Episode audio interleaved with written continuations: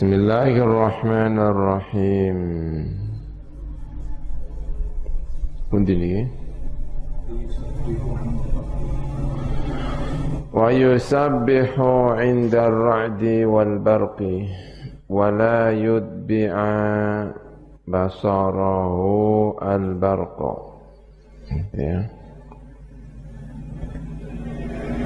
ويسبح lan dan sunataken lagi arep membaca tasbih sapa seseorang sapa tiang.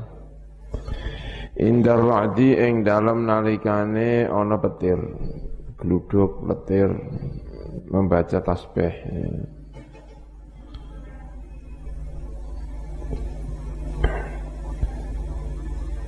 Subhana man yusabbihur ra'du bihamdih wal malaikatu min khifati. Dia doanya kalau kita mendengarkan apa? petir.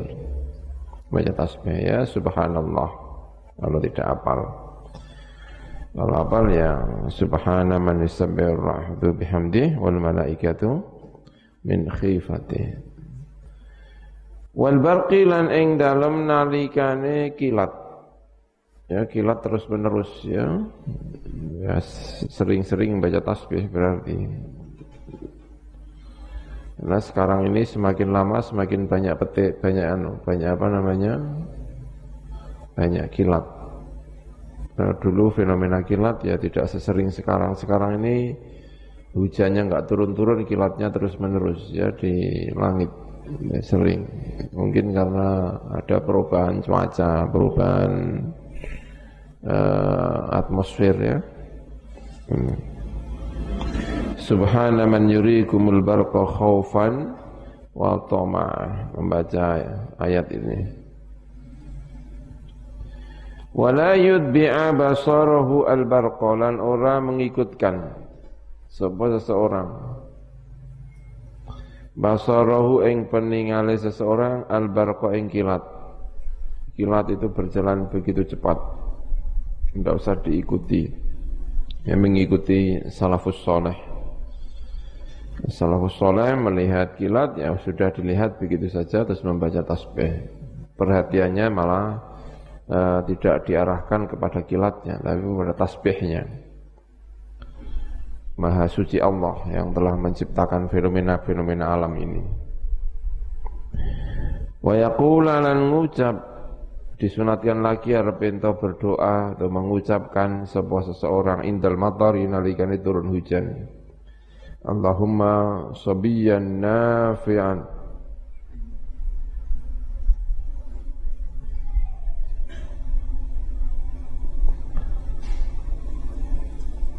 Duh Gusti Sobiyan Sayyiban ya Allah Sobiyan ya Sayyiban Di sini tulisannya sobian, anak kecil ya kan. Sayyiban. Allahumma sayyiban. Saub. Engkang kumesok. Nafi'an tur engkang manfaati. Ya Allah semoga hujan ini menjadi hujan yang kumesok, engkang deras yang bermanfaat. Sayyiban nafi'an. Wayat ulan berdoa sapa seseorang bima kelan perkara saing kang karep sapa seseorang. Doa apa saja yang baik-baik. Hadiah dari Allah Subhanahu wa taala diberi hujan. Wa ba'dahu lan dalam sause al-matar setelah turunnya hujan mengucapkan ini mutirna bi fadlillahi wa rahmatih. Mutirna diberi hujan sapa kita diturunkan udan sebab kita mendapatkan hujan. Bifadlillahi kelawan anugerah Gusti Allah atas anugerah Allah. Wa rahmatihi dan atas rahmat Allah Subhanahu wa taala.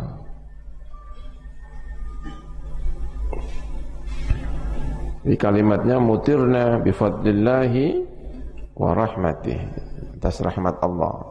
Tidak perlu merasa sombong misalnya ahli di bidang perkiraan cuaca menurut perkiraan ini hujan. Karena menurut teori, wah tetap aja ya kan. Kalau hujan bilangnya apa? Mutirna bifadlillahi wa. Jangan sampai ini atas perkiraan saya misalnya. Atas eh, planet yang wah, sedang bercuaca baik misalnya. Ya, ya mutirna bifadlillahi wa rahmati. Ya, merupakan tawaduk kepada Allah. Semuanya ini bagian dari ciptaan Allah Subhanahu wa taala. Wa yukrahu lan den apa kalimat menika mutirna binau'i kadza. Mutirna dan turunakan udan sapa kita. Binau'i kadza kelawan bintang seini. Kita ini karena ada bintang ini, bintang itu. Bintangnya sedang pas karena ini bulan Desember jadi ya wajar lah kalau hujan. Ya, kalau hujan tetap kita ngomongnya apa? Mutirna bi fadlillahi wa rahmati. Kalau Allah tidak mengendaki tidak hujan-hujan. Kemarau bisa panjang. Wasabbu ar-rihi dan di makruhna apa? Maidu nenggone angin. Tidak jadi hujan misalnya karena ditendang oleh angin. Lalu anginnya dipaidu. Ini gara-gara hu angin ini, sialan anginnya, nggak boleh ya. Karena tergantung Allah, semuanya Allah Subhanahu wa taala. Yang mengutus angin juga Allah Subhanahu wa taala.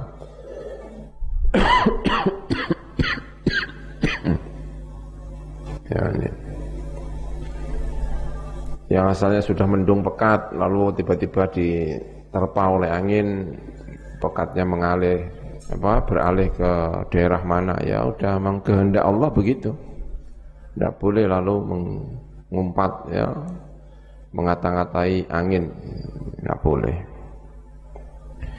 Walau tadurraru lan lamun tompo melarat mendapatkan musibah sapa kaum bikafrotil matori lawan akeh udan hujannya banyak sekali sehingga membahayakan Fasunnatu mongko utawi sunnai iku an yas'alu arep ento nyuwun sapa kaum Allah taala ing Allah taala raf'ahu ing ngilangi udan. Ya Allah semoga hujannya berhenti.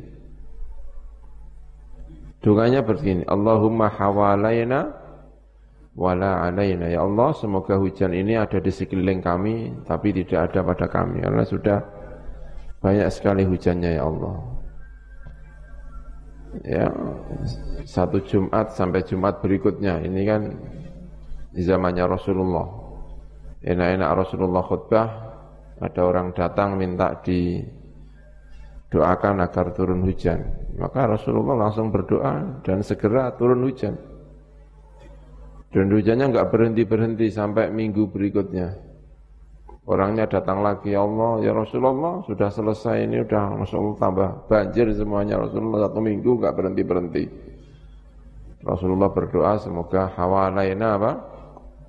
Wala alaina, ya Allah, semoga ini di sekeliling kami. Ya, kalau tidak salah ini. Begitu doanya Rasulullah. Sehingga hujan itu seperti di orang melihat langit itu sudah kelihatan. Di tengah itu tidak hujan tapi di pinggir-pinggir apa? Hujan. Ala hawalaina wala alaina. Ini. Ini ya dipraktekkan bisa seperti itu ya mu. Mukjizat beneran ya kan? Hujan deras doa hawalaina wala alaina tiba-tiba yang hujan sekelilingnya misalnya ya kan? Di daerah di mana ada doa tidak ada hujan Ya luar biasa ini. Hawalaina wa alaina. Tapi ya doa ini tidak hanya itu ya. Semoga hujannya tidak membawa madarat. Hujannya membawa manfaat. Wala yusalli lan ora usah salat sapa wong lidzalika krana arai mengkono-mengkono raf'il matar.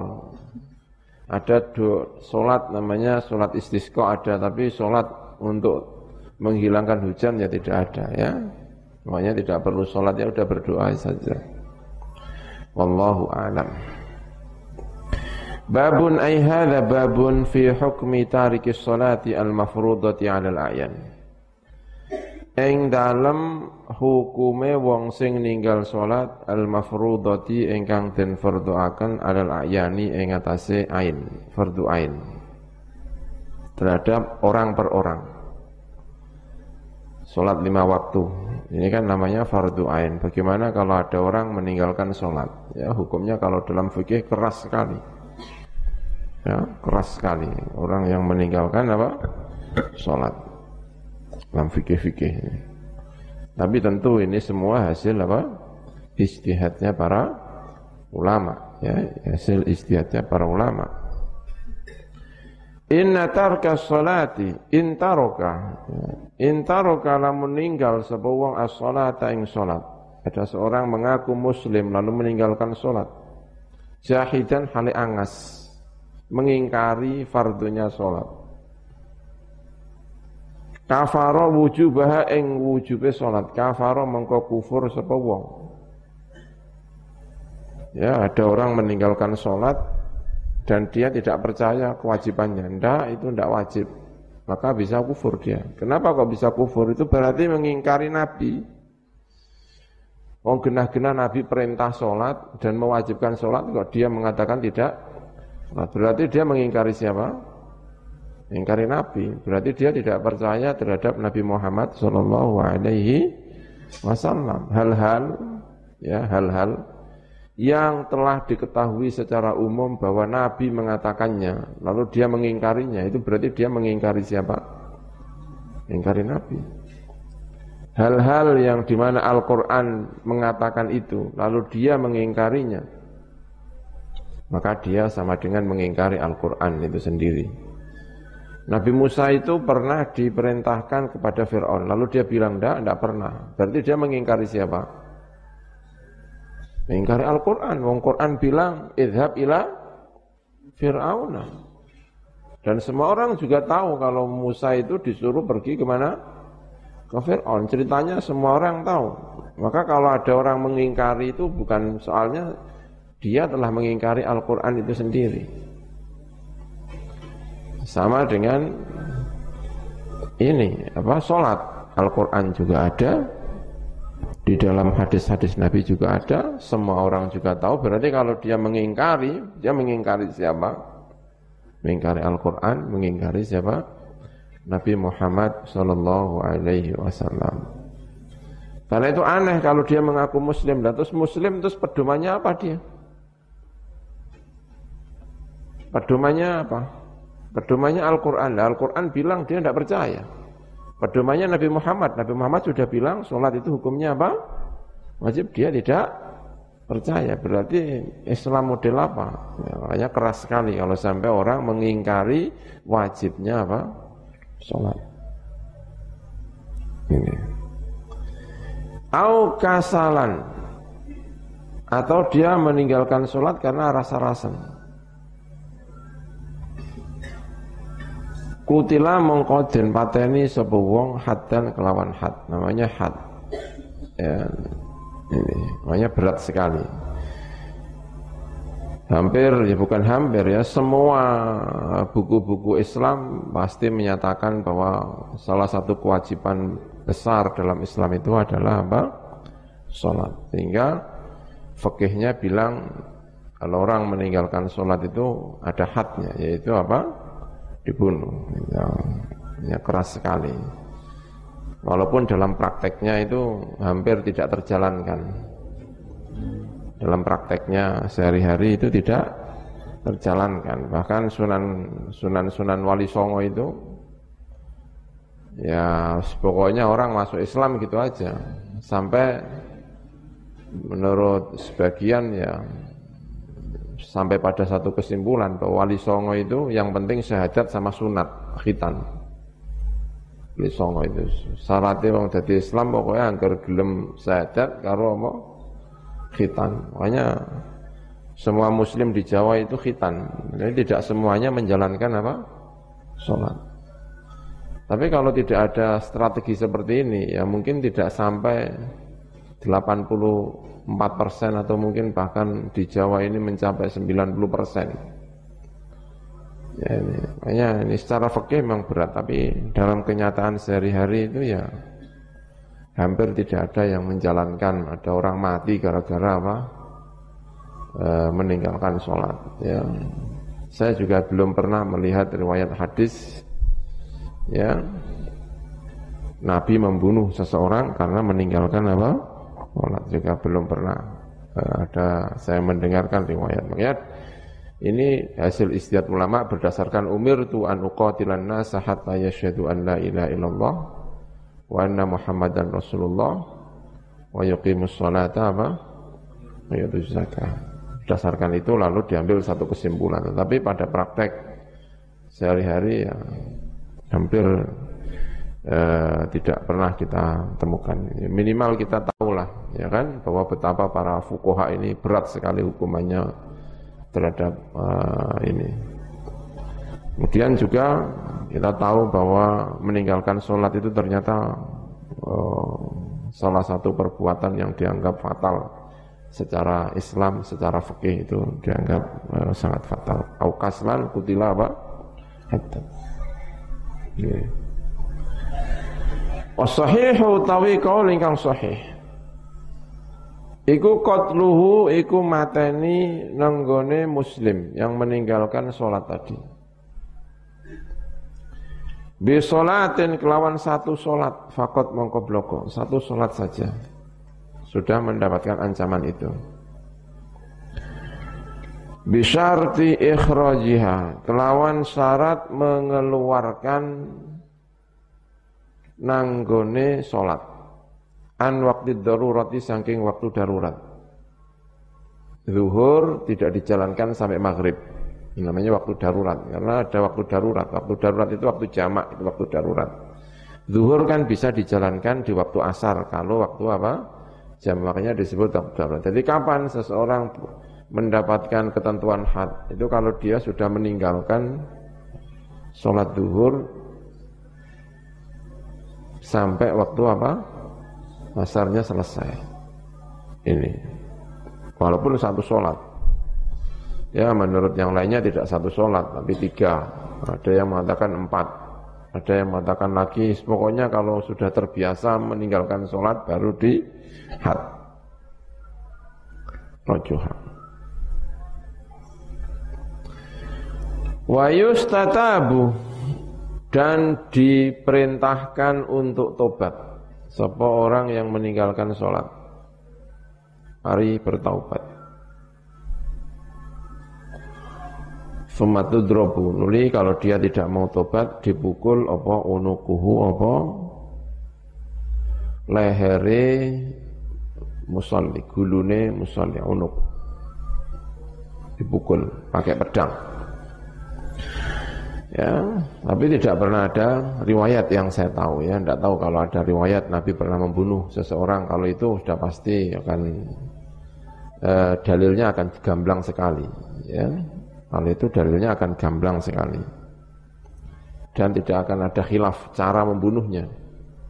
Tapi karena memang mungkin tidak pernah ada riwayat sehingga cara membunuhnya juga eh, khilaf di antara ulama. Cara membunuhnya seperti apa? Pendapat yang pertama mengatakan tudrobu apa? Unukuhu. Lehernya dipukul. Baik pedang tentu saja ya. Wakil lantin ketika akan yub khosu yun khosu dicos ya maksudnya biar pelan-pelan kok pelan-pelan kenapa biar mau sholat gitu kan kalau itu kan langsung mati. Kalau ini kan tidak langsung mati. Terus kapok gitu kan, maksudnya, iya, iya, iya saya sholat, saya sholat. Nah, gitu. Jadi nggak langsung mati. Dia punya kesempatan untuk merasakan sakit. Dicos bihadi datin kelawan apa? Besi. Ditusuk dengan besi. Kan nggak langsung itu kan. Pasti merasa sakit dulu. Terus, oh iya sakit ya. Nah, saya tak sholat aja kalau gitu. Nah, gitu. Jadi tidak langsung menurut ini. Hatta yusalliya sehingga salat sapa seseorang au yamut atau wafat sapa seseorang. Ya tapi sekali lagi ini tidak hampir tidak pernah terjadi ya. Tidak ada tidak pernah ada riwayat-riwayatnya tahu kalau ada riwayat dalam sejarah Wali Songo juga tidak pernah dipraktekkan yang ini. Ya Allah alam, kenapa Wali Songo tidak mempraktekkan, ya kan? Dalam sejarah Nabi juga saya belum pernah eh, ini apa namanya mendengar Nabi membunuh seseorang karena apa? Meninggalkan sholat. Ya. Makanya dalil yang digunakan itu umir itu apa? An uqatilan nasa hatta yashhadu an la ilaha illallah wa anna muhammadar rasulullah wa yuqimus shalah wa yu'tuz zakah fa in fa'alu dzalika asamu minni dima'ahum itu. Itu yang digunakan. Saya diperintahkan untuk memerangi sampai bersyahadat, menjalankan sholat dan membayar zakat. Ya, itu yang digunakan dalilnya. Tapi tetap dianggap sebagai muslim ya yang seperti ini tetap dianggap muslim. Karena itu kalau mati wa yughassalu lan tentusi atau wayu salu ya wayu salu lan tentusi sapa mayit orang yang mati dalam keadaan meninggalkan sholat lalu terbunuh tadi itu tetap disolati Sapa alaihi sapa ing atase wong. Tetap disolati. Ya.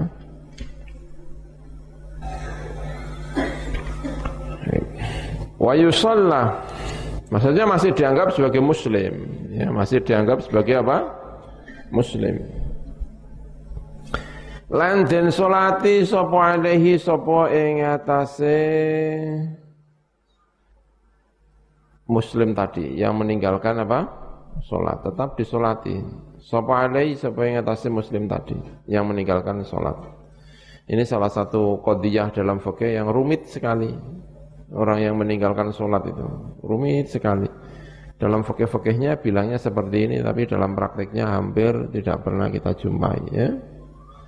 Ini. Iya, ini. Ya minimal itu tadi ya kita tahu bahwa betapa beratnya sebetulnya meninggalkan apa?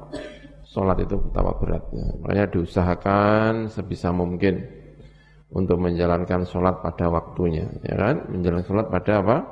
Waktunya, karena ternyata itu berat sekali hukuman-hukumannya ini.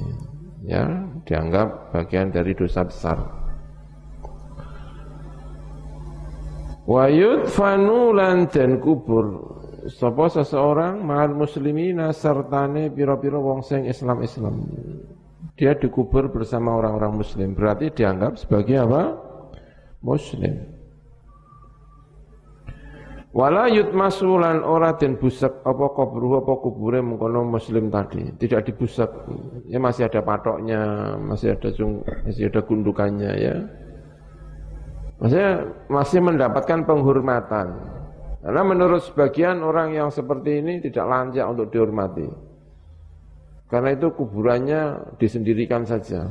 Jangan sampai ada orang yang tahu. Jangan sampai ada tanda-tanda bahwa dia habis dikubur. Nah, bahwa tanda-tanda dia habis di kuburnya di tomsi ma'alim qabrih. Tanda-tanda bahwa dia barusan dikubur segera dihilangkan. Segera dikasih apa biar tidak tahu kalau dia dikubur di situ. Maksudnya ingin uh, tidak ada penghormatan kepada orang yang semacam ini. Tapi menurut pendapat yang roji, orang yang seperti itu tetap mendapatkan apa? Penghormatan sehingga kuburannya tetap tidak boleh dihilangkan begitu saja. Jadi wala yut masuk apa? Kuburannya tidak perlu dihilangkan. Wallahu alam ya betapa beratnya. Ini, tapi kita kadang-kadang membuat sepele ya hal-hal yang dalam buku-buku dianggap sebagai apa? sesuatu yang berat ya di pasar. Kalau kita naik bis ya, kalau kita naik bis malam dari Lasem pergi ke mana? Dari Lasem sampai pergi ke mana? Jakarta ya. Rasanya hampir tidak menemukan orang yang sholat ya kan. Sampai Jakarta kadang-kadang waktunya sudah hilang. Ya, Ya sebetulnya bisa sholat sambil duduk, ya kan? Sambil duduk untuk sementara waktu. Nanti kalau lalu diulangi lagi juga nggak apa-apa. Wudhunya juga mudah sekarang ya kan? Wudhu juga mudah. Wudhu tidak harus pakai air yang banyak-banyak ya kan? Pakai semprot-semprot ya kan? Ya ya. Kemarin kapan ya? Terakhir saya naik bis sama istri ya kan? Dari Lasem menuju ke mana Jakarta. Ya rasanya yang sholat ya cuman berdua sih. Ya tahu kalau ada yang lain ya kan? Sholat berdua ya wudhu ya wudhu pakai semprot-semprot begitu wudhu pakai air biasa. Bagian dari kewajiban seorang apa? Muslim untuk menjalankan ya, sholat. Sholatnya bagaimana? Ya duduk. Duduk ya. Nanti ketika sudah nyampe di rumah ya kan? Nanti kalau sudah nyampe di mana rumah diulangi lagi sholatnya ya. Paling ya cuman lima menit ya kan? Sholat berapa menit sih? Lima menit paling ya kan? Nggak nggak panjang-panjang. Ini ya ini. Ini. Naik pesawat ya. Kalau saatnya sholat ya ya, ya sholat ya. Kalau naik saatnya sholat ya menjalankan sholat. Ya apa saja lah pokoknya agama ini kalau kita pelajari insya Allah tidak rumit-rumit ya. Banyak cara untuk bisa menjalankan kewajiban dengan baik. Hmm. Kitabul Janais itu ya Wallahu